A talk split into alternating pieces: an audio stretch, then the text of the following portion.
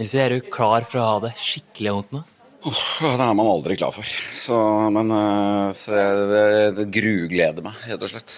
Men kjenner du litt på presset, da? For jeg regner med at du har lyst til å, å teste godt på en sånn OTO-test. Jeg vet at du hadde god test eh, på videregående, da, men Jeg har lyst til å ha et tall som jeg kan si til folk. Og um, best case er jo så bra at jeg kan legge det ut på Strava. Men da skal det være bra. Ellers blir det private økt. Yes. Lykke til. Takk. Veldig bra jobba, Nilsi. Kom igjen. Ønsker du ny økning om 15? Bra. Herlig jobba. Kom igjen. Skal grave dypt i kjelleren her nå. Kom igjen. Herfra inn det gjelder nå. Kom igjen.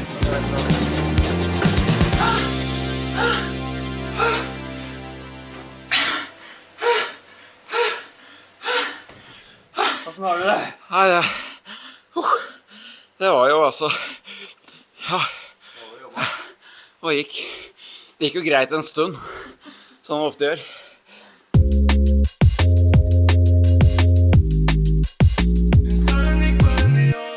Velkommen til eh, NIH-podden. Her sitter jeg, Kristina, sammen med Gjermund og noen gjester som du skal få høre om snart. Men som du hørte, ny jingle i NIH-podden. Ja. Det her er den hundrede episoden av NIH-podden, og det må vi markere på mange forskjellige måter. Blant annet ny jingle. Ja. Men eh, dere har jo også hørt eh, litt fra testinga. Det hørtes så fryktelig vondt ut. Og, og jeg vet jo, det vet jo flere som følger oss på Insta, og du også har testa Vetomax i det siste, Gjermund. Jeg måtte kjenne litt på det. det. Vi skal jo snakke om OT-testing i dag, så måtte jeg kjenne på litt hvor vondt det er. Eh, og en del av dere har jo vært med i konkurransen da, om å vinne en OT-test her på NIH. Mange har eh, kommentert eh, og har lyst på en OT-test. Det er flere enn jeg trodde. Det er mange som har lyst til å ha det vondt, tydeligvis. Eh, og det skal vi trekke litt seinere i episoden. Dette er jo den hundrede episoden til NIH-podden, podkasten for deg som er opptatt av trening, idrett og folkehelse og forskning på alt dette her. Eh, Og i dag har vi et spennende program. Vi skal snakke om eh, testing av maksimalt oksygenopptak. Og vi får gode gjester på besøk, Kristina. Ja, vi har på plass i studio en av landets mest kjente supermosjonister, som du allerede har hørt om. Eh, og så kommer eh, Jostein Hallén tilbake, som er eh, professor i idrettsfysiologi her på NIH. Og en av de som kan aller mest om utholdenhet og maksimalt oksygenopptak her i landet, eh, vil jeg si. Det vil jeg si. Og du som lytter skal få vite litt mer om disse testene av utholdenhet da, som mange er gira på å prøve. Kanskje du får noen tips da, til hvordan du kan utvikle ditt maksimale oksygenopptak. Men aller først, velkommen til deg i studio, eh, Nils Ingar Odne, bedre kjent som Nilsi. Velkommen. Takk, tusen takk. Veldig hyggelig å være her. Hvordan var det å teste seg igjen? da? Du har ikke gjort dette her på, på videregående? Nei, det er jo ja, det er over 20 år siden, det. Eh, Da reiste vi fra Vestfold og inn på Olympiatoppen og fikk eh, lov å ha en test her. Syns det var veldig stas, husker jeg. Bare å få være på Olympiatoppen den gangen. Eh, Så det er sist gang jeg hadde den der maska i ja, jeg, har gjort én test i staking etterpå. Eh, Men da er det jo ikke så lett å få så høyt O2-opptak, da. Eh, fordi det er litt uh, Ja, eller det kan sikkert Jostein si mer om hvorfor det er sånn, men det er vel litt mindre Det er vanskeligere å ta seg helt ut. Da. Det er noen muskler som gir, gir etter der. Ja, sant. Um, uh, nei, så det var spennende. Jeg grua meg, men det er godt å ha det gjennomført. Ja, Og jeg er veldig, veldig spent på resultatet. Ja, for det veit ikke Nilsi, som Nei. sitter her i studio. Han vet ikke resultatet. Han var ferdig med testen for en halvtime siden. Har vært i dusjen, gikk ned hit i studio. Vi har eh, resultatet her eh, i eh, papirform, og gleder oss veldig til å avsløre det. Ja. Jeg la merke til at du sa at det var hyggelig å være her, men jeg antar at det er mest når vi sitter her i studio og slapper av. ja, Ville du anbefalt andre å teste Vetomax? Ja, altså Det er jo både og, det. Men eh, det er jo veldig gøy å teste seg selv. da Eh, Å få et resultat og liksom eh, Jeg syns, det er morsomt å pushe meg. Selv om det er noen minutter der hvor du har lyst til å drive med andre ting. Så må du bare stå i det og jobbe på. Og det er jo sånn sett greit, fordi her man, får, man får jo sekunderinger, og det er et halvt minutt ekstra om gangen. og sånn, Så da er, det liksom, da er det jo lettere å ta seg helt ut. Men jeg kan jo avsløre at du hadde et veldig godt resultat da du testa deg på videregående. 75, var det ikke det? Jeg mener å huske at det var 75, ja. Vi skal snakke mer om at, og de tallene har å si. da. Og, Milliliter. Ja, forklare litt mer om det. Jeg er jo ikke noen forsker, så jeg sier det litt sånn enkelt, men det er godt med Kristina og Jostein her. Eh, og da var du en aktiv eh, friidrettsutøver. Da drev jeg med løpinga, ja. Mm. Og var en uh, veldig liten fyr. Uh, for jeg hadde ikke vokst ennå. Uh, jeg begynte å vokse veldig seint, uh, så jeg var 1,50 og veide rundt 50 kilo, tror jeg bare. Jeg var veldig, jeg var, veldig, jeg var bitte liten og drev bare med løping. Så Ja, Det skal vi komme litt Ja. mer inn på. Vekt har en del å si eh, når det kommer til maksimalt eh, oksygenopptak, iallfall testinga av det. Eh, men 75 altså hadde du da. Vi skal ikke avsløre helt den du fikk i dag. Eh, men vi må høre litt mer om hvordan, hvor mye du trener i dag, så folk kan sammenligne seg med deg. Du er jo en supermosjonist. Vi vet at du hadde et år eh, for noen år tilbake der du satsa helåret som en topputøver. Du var med på privat langløpslag og, og var virkelig en satsende utøver, og fikk sikkert framgang av det. Men hvor, hvor er du i dag, fem, seks, sju år etterpå, er det vel? Hvor mye trener Nils i, om dagen? nå om dagen jeg, tror Først så er det vel også riktig å gjøre oppmerksom på at det var jo, det var jo ett år som jeg satte av til å være toppidrettsutøver. eh, Men det balla på seg til å bli ganske mange flere år hvor jeg jobba ved siden av, men hvor jeg var veldig aktiv. Og så kom det en koronapandemi hvor mitt yrke eh, ble mer eller mindre avlyst. Så jeg fikk egentlig et nytt år eh, hvor jeg kunne trene så mye jeg ville, nesten. Eh, fordi det var alt annet som var avlyst. Um, og da hadde jeg i tillegg en del år i bagasjen da, eh, med mye trening. Så, så det, jo, det, er jo, det er jo det året som er mitt toppår i antall timer og sånn. Eh, og det var jo noen år etter det første prosjektåret. Så, men jeg jeg begynte på 700 timer, og så plukka, trente jeg litt over 900 timer det, året, det koronaåret.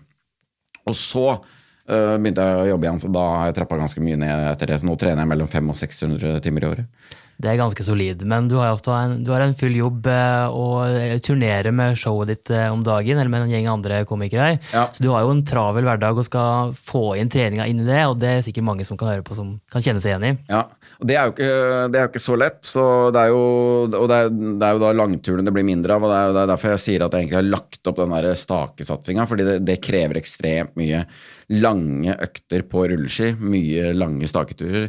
Det har jeg ikke tid til, rett og slett. Eh, og så er, altså skal jeg også si altså, at iveren uh, er litt mindre på det nå, for det er et eller annet når du trapper litt ned, så ja, så har jeg funnet litt mer glede i løping, da. Uh, min gamle idrett. Så nå, nå løper jeg mye mer. Det er enkelt. Du kan ha med deg løpesko overalt. Det er treningsrom på hoteller. du kan løpe ute i hvilken by du er. Og jeg elsker å løpe. Så, ja. Jeg måtte dra fra kalkulatoren. Jeg har og 600 timer i året. Vi snakker jo en 10-11-12 timer i uka med trening. Ja, det varierer sikkert en, eh, en god del, men eh, en del uker ligger rundt der. Og så ligger det vel sikkert litt over på noen uker på sommeren, også, og kanskje på vinteren når skiføret kommer. Og så er det en del uker hvor det er, sju-åtte, liksom. Du, Vi må jo ha med oss eh, dagens andre gjest også. Velkommen tilbake, Jostein. Takk skal du ha.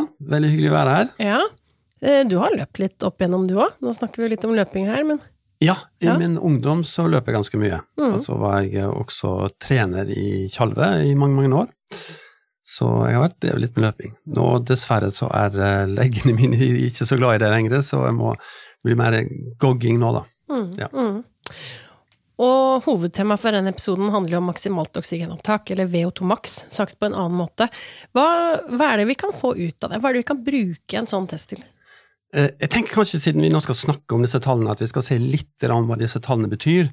Eh, og, det er helt ok, som Gjermund sa, han sa liksom 75, for det, da vet folk at det er et ganske høyt tall i denne sammenhengen. Eh, og så korrigerte du, Kristina, med å si milliliter. Men det er heller ikke bra nok, egentlig, hvis du skal si det. Da skal du si milliliter per kilo per minutt. Men vi kan starte med det som er liter per minutt. Så det vi faktisk måler i laboratoriet, det er hvor mange liter oksygen som ender opp inni kroppen når Nilsi løper på mølla. Eh, Og det tallet deler vi på kroppsvekten, rett og slett, så enkelt. Og da kommer vi fram til dette millilitertallet, som du sa da, som er milliliter per kilo per minutt. Det er jo litt tungvint å si, så si 75 syns jeg er fint i denne sammenhengen. Og literopptaket, som du nå starta med, det er jo på en måte kroppens eh, motor, for å snakke veldig enkelt. Og så er det da hvor mye du veier, hvor mange kilo kroppsvekt som du kan fordele denne motoren på. Det er riktig. En, en stor eh, lastebil trenger større motor enn en liten lastebil. Eller til og med en liten bil. Da veit vi at det sitter en eh, kar i studio her som er veldig spent på å høre et visst eh, tall som han har fått etter å ha testa her i laben i dag. Veldig spent. Jeg vet jo også sånn cirka hva jeg løp mila på den gangen jeg testa 75, og jeg har jo løpt noen milløp i høst, så det er også veldig spennende. Ja, Åssen ligger det? i forhold til det, da? Nei, Springer du fortere nå? ja, lite grann. Som 40-åring? Ja, lite grann. Ja. Det er ikke alle som gjør.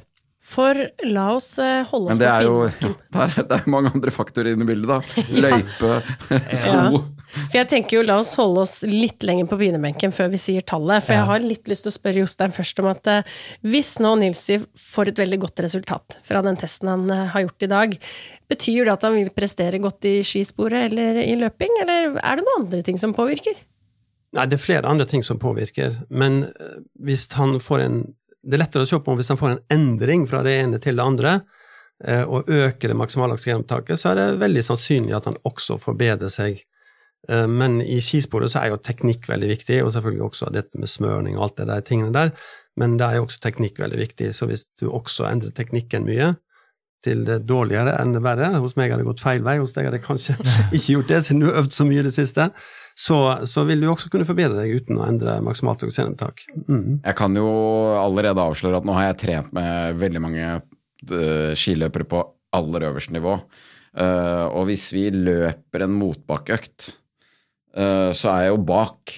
Men det er jo eh, mye mindre enn når vi går på ski.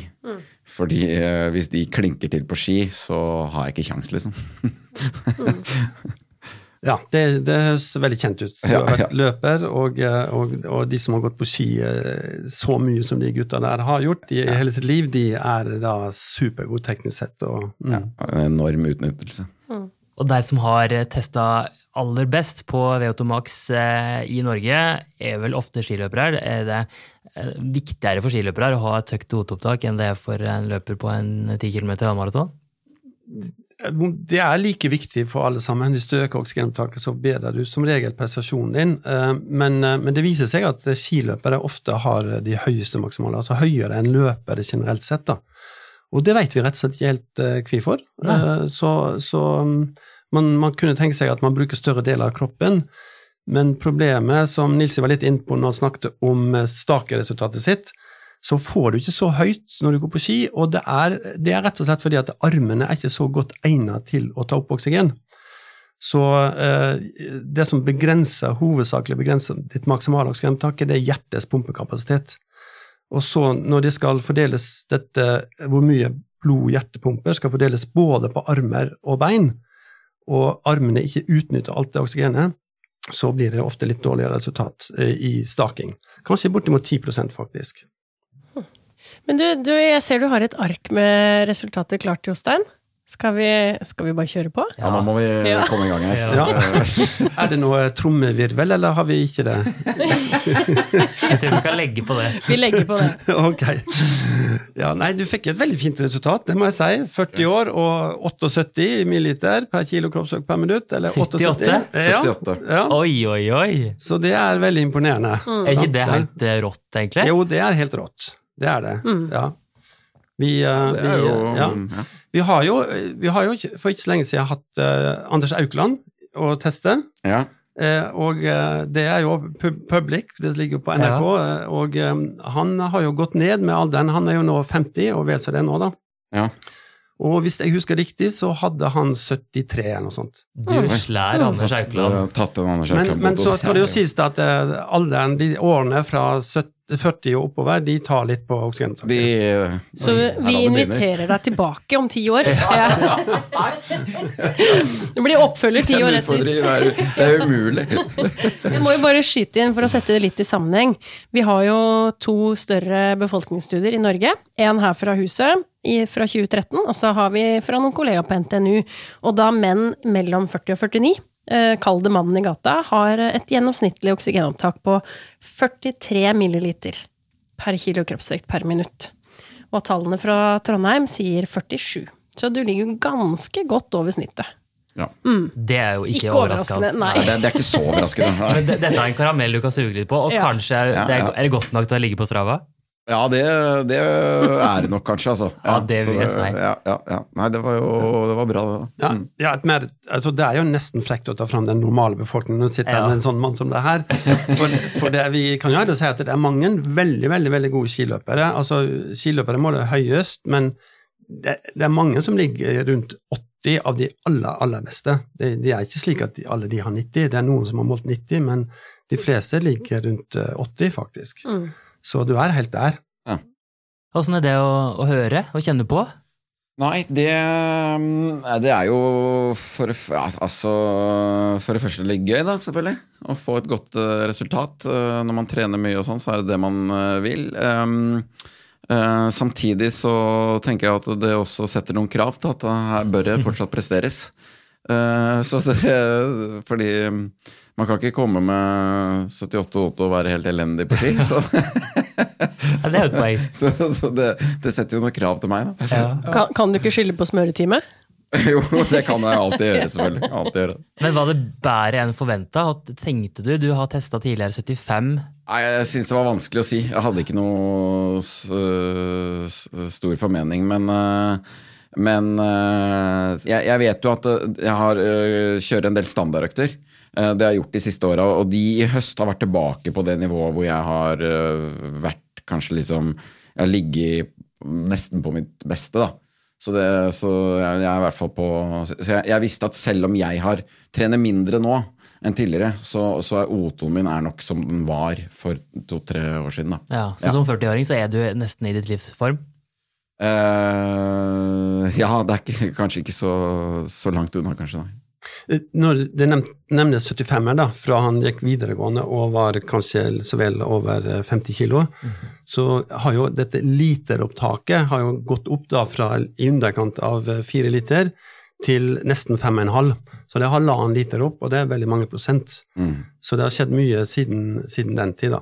Mm. Jeg Fortell litt om åssen har vekt, åssen påvirker vekt eh, dette, her- dette tallet her? Ja, altså, det er jo, Når vi deler på vekta, så tenker jo veldig mange at det da er det om å gjøre å være lettest mulig. Eh, og det påvirker. Det er ofte slik at de som er lettere eh, og mindre, de har litt høyere maksimalt oksygeninntak. Og i løping da, så har de ofte litt dårligere løpsøkonomi, slik at det veies litt opp hvis du tar de beste løperne da, og sammenligner. Men det er ikke slik at eh, det er bare å bli tynnere, og så, blir du, og så, blir du, eh, og så øker oksygentaket. Sånn veldig akutt så kan du kanskje faste deg ned i løpet av ei ukes tid, noen kilo. Men, men, eh, men, men det viser seg at oksygenopptaket i den generelle befolkningen er, og toppidrettsutøvere, er veldig relatert til den fettfrie massen, altså hvor mye muskler du har. Slik at Hvis du legger på deg med, med, med fett, så vil ikke det påvirke noe særlig, men det er nok slik at hvis du legger på deg noen kilo muskler, så vil også kunne oksygenopptaket kunne økes litt. Grann. Og hvis du faster og går ned i, i vekt, og de som er veldig tynne, altså i utholdenhetsutøvere, de vil også tære på muskelmassen, og da vil nok også oksygenopptaket gå litt ned. Da. Så, så rent matematisk er det bare å dele på vekta, men, men fysiologisk sett så må man passe på å, å opprettholde muskelmassen sin da, når man eh, skal gå ned i vekt, da, Mm. eh, hvis, man, hvis man har tenkt på det. Nils han, eh, han tok jo en laktattest på slutten av ettertesten her. Har du det tallet, Aul? Han tok en laktattest, eller tok Ja. han Eller- Han laktat? målte laktat. Laktat, ja, Mm. ok. Ja. Laktaten var på 12,56. ja. Det tallet kan man ikke si så mye ut ifra, bortsett fra at jeg kan si at han var ganske utmatta, uh, uten at jeg var her på slutten. Så, så, så, så kan ikke man, For det er veldig individuelt. Noen får uh, veldig høy laktat, og noen får litt lavere laktat når de test, gjør en sånn maksimal test. Mm. Men hva kan Nilsi få ut av dette testresultatet og det at han har testa O2 eh, VO2 Max her på NIH i dag? Kan han bruke det i treninga til videre framover? Altså Det har jo han allerede vært inne på sjøl, for han eh, bruker det som en motivator. Han tenker, eller kanskje liksom også sånn eh, press. Ja, ja. for nå, nå hører jo alle på denne podkasten her, sant? det gjør jo alle, og da vil jo alle vite hva hans maksimaloksigenopptak er. Og når han ikke presterer i Birken, så blir det nok litt mobbing fra kameratene da, når han har så høye, høye verdier. Eh, og ellers er det ikke for å være ærlig, så er ikke det så innmari mye man kan bruke det tallet, bare et sånt enkelttall. Men man kan bruke det til, eh, hvis man måler flere ganger, tester flere ganger, og ser om treninga virker. Og det er jo det gjerne toppidrettsutøvere gjør, da. Men, eh, eller man kan bruke det som motivasjon. Ja. Eh, ja, for det er, jo, det er, jo, det som er relevant her, hvis jeg tester om et år eller to og sånn. Ja, ja. Men uh, du, vi var inne på det med, med Anders Økland og sånn her. Hva, hva, nå er jeg 41. Kan du si noe om hvor mange år jeg har på meg?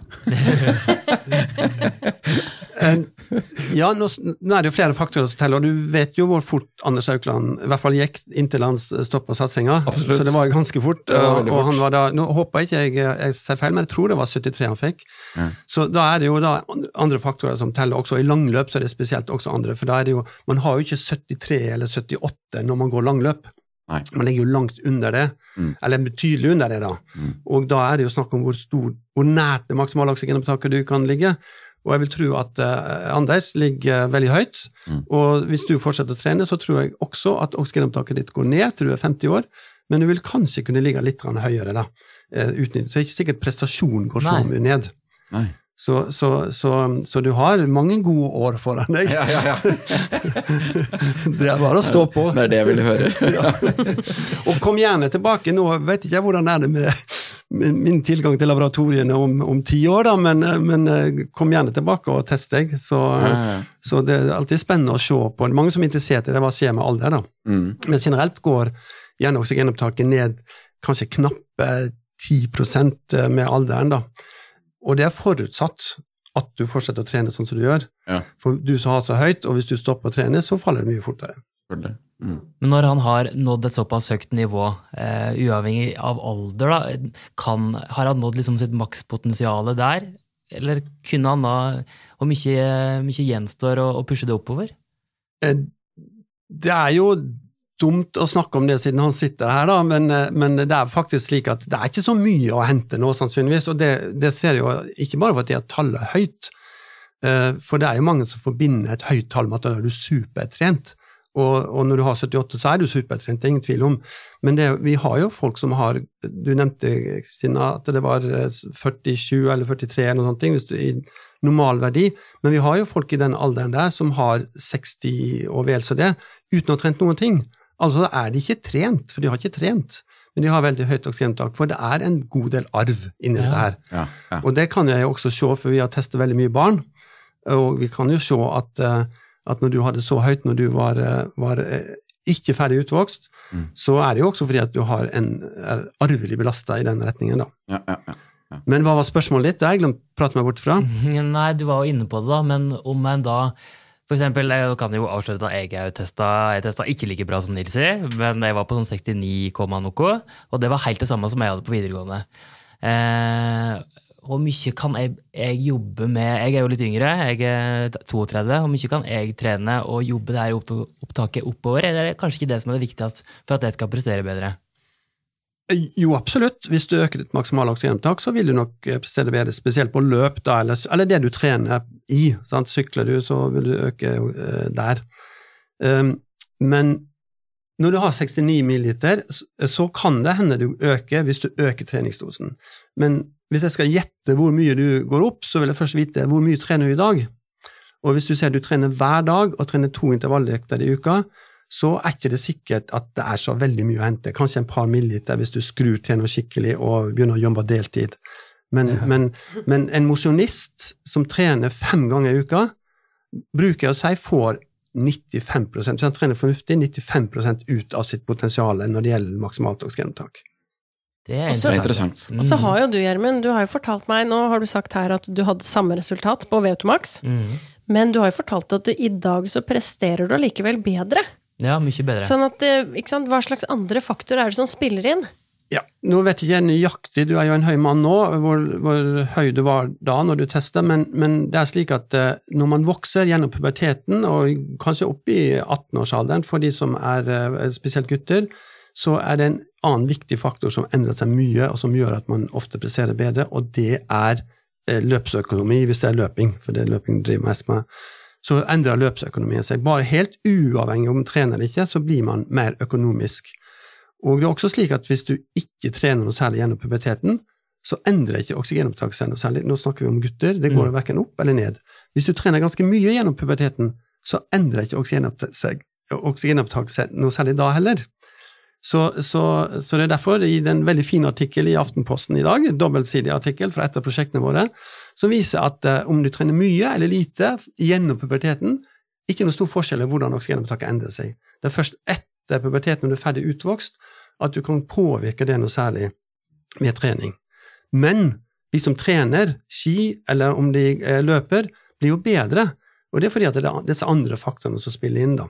Man blir rett og slett bedre å løpe, og det er arbeidsøkonomi, og også denne utnyttingsgraden som vi snakket om i stad, at du kan utnytte større deler av ditt maksimaldagsgjennomtak. oksygenopptak. Det er ikke bare tallet som er Nils fikk på papir i dag, som har noe å si, altså. Nei.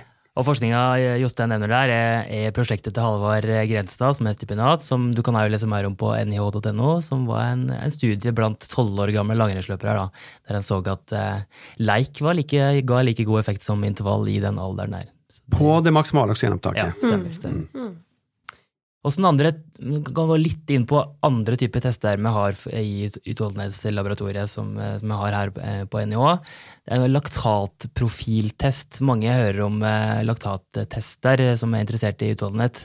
Kan du ikke fortelle litt kjapt om det, Jostein? Når kan han finne ut av det og bruke det til? Laktatprofiltest, da løper man flere det vi kaller submaksimale belastninger. Da løper man ikke maksimalt. Man starter med en veldig rolig, eller ganske rolig belastning, og så måler man melkesyre, og så øker man belastningen litt, og så måler man melkesyre. Og Hvis man da løper på de lave belastningene, så er det samme melkesyre om man løper på f.eks. 12 km enn løper på 14 km i timen. Men så på et eller annet tidspunkt så begynner melkesyre å øke. Eh, og den øker den, den begynner omtrent på samme prosent av det maksimale oksygenopptaket. Slik at det er ikke så innmari mye mer man får ut av en sånn laktatprofiltest enn en, en maksimalt oksygenopptaktest. Eller du kan se vice versa. Mange skiløpere i sin gamle dager de sa at vi ville ikke ha noe maksimalt oksygenopptak, vi ville teste laktatprofil. Den var lettere. Og så brukte man kanskje disse laktatvernene litt i forhold til trening. Så man sa at eh, ok, når jeg har den hjertefrekvensen, så har jeg den laktaten, det er den jeg vil ligge på, og da overførte man det til, til treninga, da. Slik at det, eh, det er ikke eh, Vi gjennomfører gjerne begge, og vi syns det er veldig artig, vi som er forskere, å se på tall og sammenligne osv., mm. men det er ikke så innmari mye mer man får ut av det. Jeg vil jo understreke at de gode testene er jo ute i løypa. Testløpene og, og sånne ting. Så, så, man må ikke inn i et laboratorie for å teste seg. Nei, og Jeg hadde som sagt hatt veldig god hjelp av standardøkter. Eh, jeg vil anbefale alle mosjonister å ha standardøkter. Uh, gjerne på en tredemølle, eller, og, og, eller, du kan ha det ute også hvis du har en, en løype i nærområdet som er så og så lang. Ha tider på den. Uh, eller faste drag på en tredemølle. Da. Det er eksempel på ei standardøkt for deg, da? Ja, Det er seks ganger fem minutter, 10% stigning. Hvor jeg vet uh, hvor den bør, bør ligge. Uh, jeg vet hva jeg burde begynne på i fart, og hva jeg burde avslutte på i, i fart. og det gir meg en veldig god pekepinn på hvor jeg står. Hvor ofte har du slike økter, da? Nei, Det varierer veldig. og Det er jo også en veldig sånn skiløperøkt, så nå har jeg trent mer mot løp. og sånn, og Hvis jeg løper løp, så så har jeg ikke det kjørt den så ofte, for da får jeg jo et eh, resultat der. Så da vet jeg jo hvordan det står til. Mm. Men, eh, men, sånn eh, opp mot en skisesong, sånn som nå om dagen, liksom, så kjører jeg nok den økta ja, Kanskje ikke hver uke, men, men si tre ganger i måneden, eller tre-fire ganger i måneden, kanskje. Ja. Ja, jeg vil absolutt støtte det også. Og det er nettopp, eh, som du sier, så kan du, så kan du, gjøre det så ofte du vil, nesten. Eller i hvert fall en gang i uka. Sånne standardøkter. Mm. Og når jeg var friidrettstrener eh, her i Oslo, så var det jo Strandpromenaden om vinteren. Da løp vi 1000-metere, og alle eh, gutta som jeg trente mest av, de visste nøyaktig pluss-minus to sekunder hvor fort de skulle løpe på den 1000-meteren. Korrigerte litt for medvind og motvind osv., og, så, videre, og så, så visste de det. Og Det som er bra med det, er jo at da kan du også veldig fort oppdage om noe er feil. Mm. Sant? At Hvis du plutselig begynner å prestere mye dårligere, da er du enten på vei til å bli syk, eller så har du kanskje trent for hardt i en periode. Mm. Og, da, og, da, kan man korrigere. og det, det er ikke sånne laboratorietester så brukende til, da. Jeg nevnte i innledninga at eh, du skulle òg komme med et par tips til deg som vil utvikle det OT-opptaket og få en bedre kapasitet eh, i, løypa eller i, eh, som løper. Har du to-tre tips til åssen en bør trene da? Altså Mitt standardsvar på det er jo at du bør trene i dag slik at du får lyst til å trene i morgen. For det som gjelder, det er å, å trene kontinuerlig og, og, regelmessig. Og så må hver person finne sitt nivå, om man vil trene to ganger i uka, eller tre ganger i uka, eller fem ganger i uka. Og det gjelder for litt med økter også. Man må trene økter som man trives med, ikke økter som man syns er forferdelige, for da er det lett også å utsette de, da. Men det er jo slik at skal man øke det maksimale oksygenopptaket, så må man gjerne trene med en viss intensitet over en viss tid. Og det kan man jo gjerne gjøre ved hjelp av intervalløkter, som vi har snakket om flere ganger, og som eh, Nils nå nettopp har kommet med et eksempel på. Det er jo en, en ganske lang økt, da. Eh, men man kan også gjøre det, som vi snakket om i forrige podkast, med kontinuerlig økt. Man bare passer på at ikke intensiteten er for lav. Man må bare holde og ikke høre på de som sier at alle langturer skal, skal du gå i motbakkene. Du kan presse deg litt på en langkjør. Langkjøring også, men eh, la den være ikke noe lenger enn 40 minutter. Og Det er også en veldig god økt, så hvis du trives best med det, så gjør det. Men tren i dag slik at du får lyst til å trene i morgen. Åh, det var et deilig ordtak å mm. ta med seg. Eh, og Jostein har som han var inne på, han har vært i poden og snakka om både intervall og rolig-trening, så det er bare å søke opp i NIH-poden sin eh, podkast-feed. Mm. Men nå, Kristina, vi skal trekke en konkurransevinner. Det er jo episode 100. Eh, det er mange episoder, det har vært mange interessante episoder. Og i den forbindelse hadde vi en konkurranse, og den skal vi trekke nå. Det var veldig mange som hadde ja. lyst til å vinne O2-test. Så nå, Gjermund, skal vi se, jeg skal gå inn på Instagram-innlegget her. Nå skal du få lov å si stopp. Jeg skal bare komme meg inn på kommentarene. Vi skal trekke en kommentar. Er du klar? Nå er vi klare til å trekke ja. vinner av uh, Ototest. Nå skal jeg se, da. Jeg sier Du må si stopp, da! Stopp! stopp! Og så skal vi se. Da kan du si tallet mellom én og to, for jeg har to mulige her. To. To. Skal vi se. Skal bare dobbeltsjekke at denne personen følger NIH-poden, for det var også et kriterium. Ja! Vinneren er Knut Engman, eller Knut Del Piero på Instagram. Knut Del Piero, ja. du har vunnet en test her på NIHs laboratorium. Ja, Det blir moro for han. Du kan få lov til å bli kjempesliten. Hva kan man forvente? Nilsi? Ja, nei, Da kan man forvente, da må han eh, stålsette seg for å gå helt i kjelleren. Men så får han jo også et papir i hånda hvor det står hvor god form han er i. omtrent. Så, det, ja. gjør det. det var veldig mange som hadde lyst til å gi det her i julegave til mannen sin. Faktisk. Ja, selvfølgelig. det er noe kanskje vi må satse på på NIH. Ja. Det, det, vet du hva jeg kaller det? Det er ekte kjærlighet. Ja, virkelig. Nå, Nilsi, vi veit at du har et stort mål i vinter. Marcialonga. Skal du ta med deg det her eh, sjøltilliten her i dag og eh, knalle til i treningsarbeidet fram mot det? Jeg må gjøre det. Jeg må gjøre det. Jeg tror eh, mitt resultat da i Marcialonga vil nok avhenge av hvor mye jeg får staka før det. Så det er det som må til nå. Masse lykke til. Takk for det. Og takk for at du stilte opp, Jostein. Bare hyggelig. Da er det bare å avrunde episode nummer 100. Nyt den nye jingeren på vei ut av episoden. Og vi kan òg si god eh, juleferie. God jul, og vi er tilbake rett over nyttår. 2. januar kommer en ny episode av NIH-podden. Mm, vi høres.